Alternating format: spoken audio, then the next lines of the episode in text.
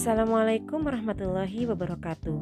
Perkenalkan, nama saya Yahdinat Diniah Nasution SPD, peserta Latsar CPNS 2021 di instansi Kabupaten Mandailing Natal, angkatan 43, kelompok 3, dengan pengampu materi Dr. Dumasari Harahap SHMSI. Pada podcast kali ini, saya akan menjabarkan apa itu akuntabilitas dan nasionalisme dan bagaimana penerapannya di lingkungan kerja. Akuntabilitas adalah kewajiban pertanggungjawaban yang harus dicapai, sedangkan nasionalisme adalah suatu sikap politik dari masyarakat suatu bangsa yang mempunyai kesamaan kebudayaan, wilayah, serta kesamaan cita-cita dan tujuan. Dengan demikian, masyarakat suatu bangsa tersebut merasakan adanya kesetiaan yang mendalam terhadap bangsa itu sendiri.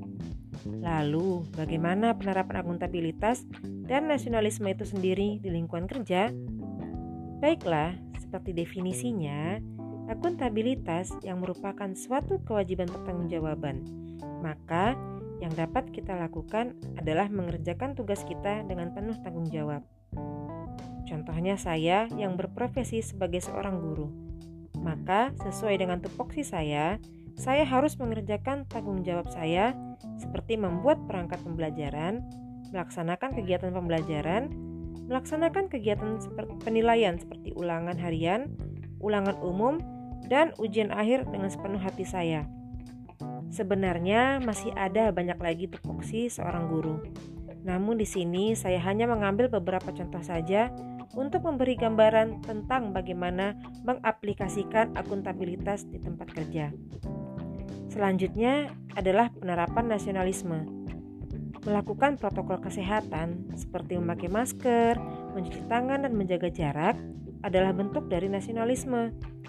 Karena dengan melakukan protokol kesehatan, kita sudah membantu negeri kita yang tercinta ini dalam memerangi virus COVID-19 yang berbahaya.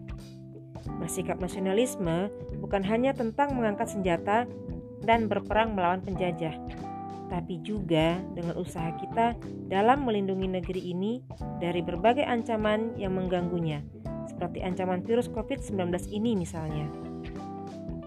Baiklah, kiranya hanya sampai di sini dulu pemaparan saya mengenai aktualisasi nilai akuntabilitas dan nasionalisme di instansi kerja saya. Terima kasih sudah mendengarkan, dan saya mohon maaf jika ada kesalahan. Sampai jumpa lagi. Assalamualaikum warahmatullahi wabarakatuh.